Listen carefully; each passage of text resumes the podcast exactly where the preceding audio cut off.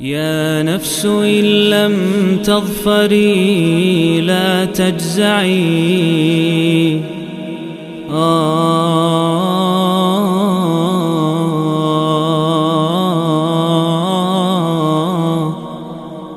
بسم الله والحمد لله والصلاة والسلام على رسول الله أما بعد إني adalah audio ke 94 Membahas surat-surat dalam Al-Quranul Karim Dan kita di surat Ash-Sharh Atau juga populer dengan nama Alam Nashrah atau Alin Shirah Surat ke-94 ini merupakan surat Makiyah Yang turun setelah surat Al-Duha Sebelum surat Al-Asr Dan surat ini Nama yang paling populer di awal-awalnya Dan itu yang kita akan pakai di pengajian ini adalah asyarah. Asyarah yang merupakan master dari melapangkan. Alam nasyrah laka sodrok diambil dari awal surat ayat pertama. Bukankah kami telah melapangkan dada engkau, wahai Nabi. Maka diambillah masdarnya pelapangan. Jadilah asyarah. Demikian. Dan itu musaf-musaf kuno sekali teks-teks manuskrip Quran generasi gini sangat awal sekali paling awal itu menyebutnya dengan asyarah dan uh, terdiri dari 8 ayat surat ini. Tema besarnya tentang pelapangan dan kemudahan dari Allah Subhanahu wa taala dan hubungannya jelas sekali dengan nama surat. Allah Subhanahu wa taala di sini setelah mengingatkan nikmat Nabi kepada Nabi Shallallahu alaihi wasallam bukankah Allah telah lapangkan dada engkau dan banyak tafsirannya.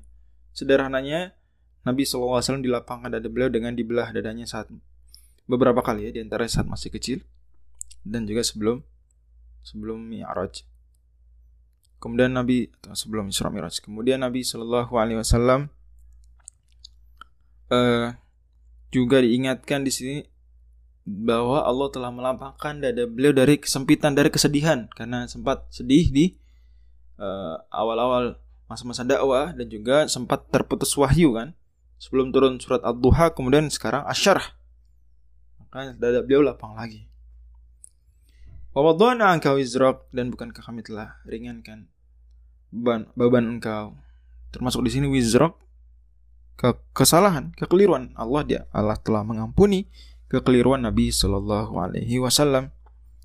Itu ya. Alladzi yang memberatkan punggungmu. Dan kalau buat kita ambil pelajarannya adalah bahwa dosa itu merupakan beban hidup. Beban hidup terbesar itu dosa kesalahan.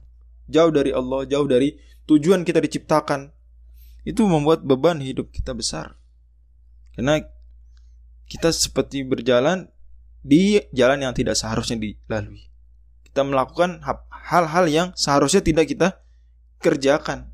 Bukan tujuan penciptaan kita. Tujuan penciptaan kita untuk taat pada Allah. Illa liya'budun. Wa ma khalaqtul jinna wal insa illa liya'budun. Kalau kita berbuat salah, berbuat dosa, kita menjauh dari tujuan penciptaan kita dan kita otomatis fitrah kita akan berat ya dan itu dirasakan siapa pun ya. Bahkan orang-orang yang mungkin tidak beriman saja itu bisa merasakan ini ada sensenya ini keliru. Demikian. Sebaliknya Allah Subhanahu Wa Taala kemudian uh, kalau untuk kasus Nabi Allah meringankan beban beliau. Dan Allah bahkan meninggikan derajat beliau. Warafa'na kemudian Allah ingatkan bahwa bersama hal-hal sulit engkau melalui di awal-awal dakwah ini. Hal-hal sulit dan akan terus melalui di masa-masa dakwah engkau. Hal-hal yang sulit maka Allah ingatkan bahwa bersama kesulitan ada kemudahan. Ini bersama suatu kesulitan tertentu ada satu kemudahan. Dan bersama kesulitan tertentu yang tadi juga ada kemudahan yang lain. Masya Allah. Kata Ibnu Abbas dua kemudahan tidak mungkin dikalahkan satu kesulitan. Ini maksudnya adalah bahwa al-ausr di sini dikasih alif lam berarti itu itu juga yang sama dan yusron tidak berarti dua hal yang berbeda. Apalagi kalau kita fahami bahwa e, ganda dalam bahasa Arab bisa juga bermakna hal-hal yang berulang-ulang dan banyak. Faida farauta fanso maka kalau sudah engkau selesai melakukan suatu tugas, suatu aktivitas, maka bersungguh-sungguhlah ibadah, maka berpindahlah kepada aktivitas bermanfaat lainnya. Wa ila rabbika dan kepada Tuhanmu sajalah engkau berharap. Ini poin-poin bagaimana melapangkan dada dan surat asyar ini begitu powerful uh, ditadaburi dan diamalkan untuk menghadapi sempitnya dan sulitnya hidup. Ya, banyak kunci-kunci kebahagiaan, kunci-kunci lapangnya hati di dalam surat ini yang kita bisa amalkan. Seperti misalnya kita disadarkan oleh Allah bahwa bahagia itu di hati.